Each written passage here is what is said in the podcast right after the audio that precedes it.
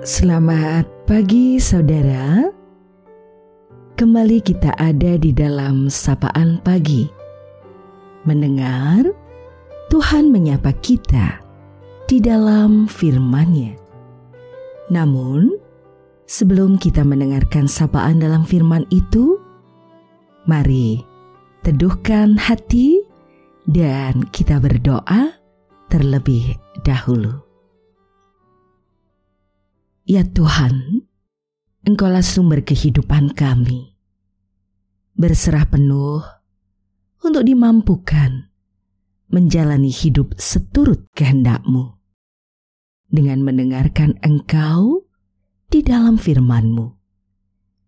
Dalam Tuhan Yesus, kami berserah. Amin.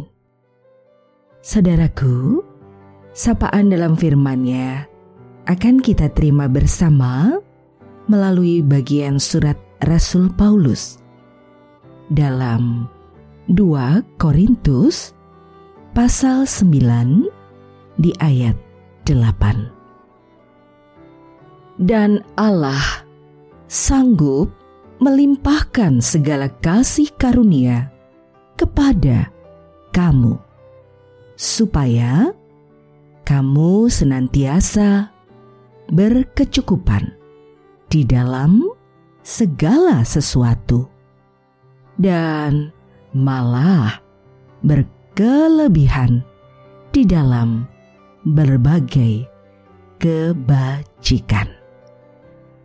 Saudaraku, kita akan refleksikan dalam tema "Tidak ada kebaikan yang sia-sia". Saudaraku, dengan datangnya pandemi di hampir seluruh belahan dunia, semakin membuat banyak orang mengalami kesulitan dalam hidup. Dalam berbuat kebaikan, tidak ada istilah pilih kasih atau setengah-setengah apa yang kita punya adalah berkah dari Tuhan. Mestinya bisa berbagi, membantu mereka yang membutuhkan. Bantuan bukan saja secara materi, tetapi bisa melalui bentuk apa pun. Dukungan, semangat, kita bisa saling memberikan dukungan itu lewat pesan singkat, dalam doa, dan sebagainya. Di hampir setiap grup WhatsApp yang saya ikuti, sering ada gerakan inisiatif untuk membantu sahabat, teman, saudara, atau kelompok-kelompok yang membutuhkan bantuan. Berdonasi secara ikhlas dan tulus membantu meringankan beban orang lain. Tidak ada kebaikan yang sia-sia.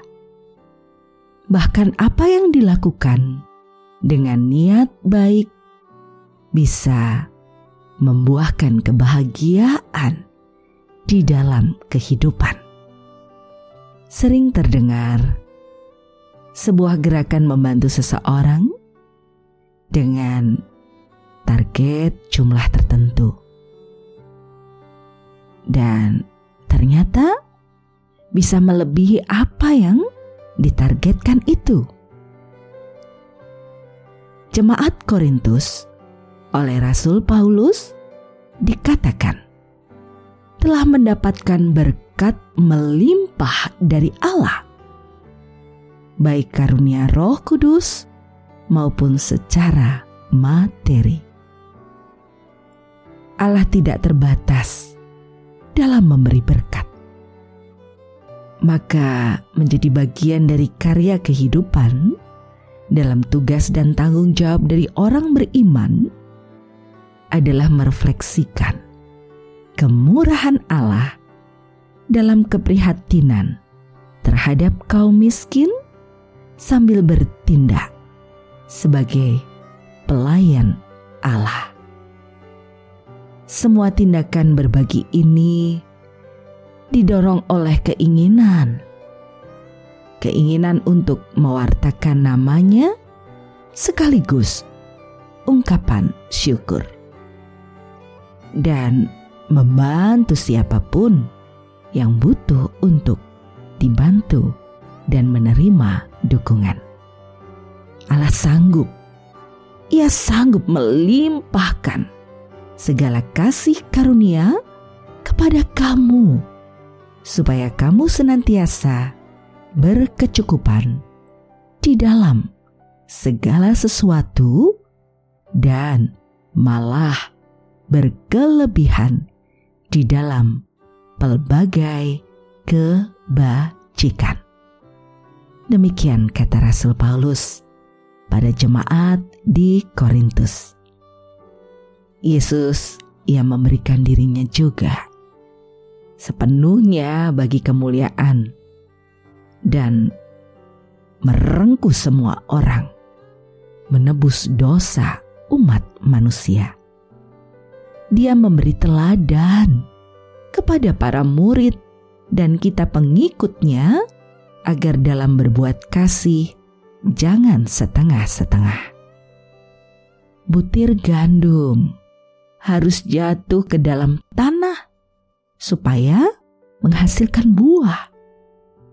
Yesus akan masuk ke dalam tanah dan kematiannya akan menghasilkan buah. Sampai hari ini, banyak orang menjadi milik kepunyaannya dan mengikut dia. Para murid dan kita dipanggil menjadi hamba untuk melayaninya. Dan melayaninya tercermin dalam kepedulian dan keterbukaan melayani kehidupan di sekitar kita.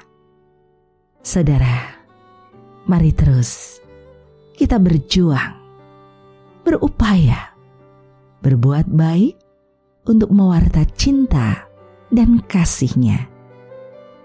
Apa yang kita miliki adalah berkat yang ia beri. Dan tentu juga bisa menjadi saluran berkat bagi kehidupan di sekitar kita. Apa pun yang kamu perbuat, perbuatlah dengan segenap hatimu, seperti untuk Tuhan dan bukan untuk sesama manusia saja. Dan ingat, tetap jaga diri dengan baik dan lingkungan di sekitarmu. Kenakan prokes, salam sehat, bahagia, dan mari terus kita belajar menjadi pribadi yang berguna. Tuhan menopang kita. Kita akan akhiri sapaan pada saat ini dan mari kembali teduhkan hati ada di dalam doa. Engkaulah sumber kehidupan kami ya Tuhan. Berserah kepadamu meletakkan kembali hidup yang kau beri dalam rengkuhan cintamu. Engkau mencipta semesta dengan segala karya kebaikan. Maka di setiap hal yang terjadi tak pernah luput dari pertolonganmu. Pengajaranmu senantiasa mengiringi waktu dalam setiap hari yang kau beri. Berbagi dan memberi diri di antara rapuh dan ringkihnya diri, menopang dan menguatkan di antara keterbatasan daya yang kupunya, menguatkan dan memberi perhatian di antara berbagai hal dalam segala situasi yang sulit. Kami berdoa untuk setiap milik kepunyaanmu di mana pun ada dan kau tempatkan. Dalam sehat dan sakitnya. Dalam pemulihan dan keberadaan lainnya. Satu persatu kami berserah kepadamu. Kami yakin dan percaya Engkaulah sumber pertolongan yang sejati. Engkau menopang kami dengan cintamu yang besar.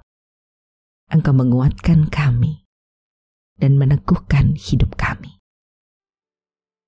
Kami berserah juga dalam sisa waktu hidup yang masih ada atas pemberianmu. Ajar kami melakukan perbuatan yang baik seturut kehendakmu.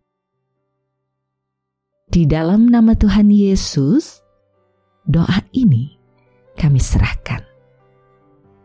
Amin. Saudaraku yang terkasih, demikianlah sapaan pada pagi hari ini. Terus dengarkan. Tuhan menyapa dalam firman-Nya. Saudara bersama saya, Esti Widya Stuti, Pendeta Jemaat Gereja Kristen Jawa Pakem, dan ada di lereng Gunung Merapi. Tuhan memberkati. Amin.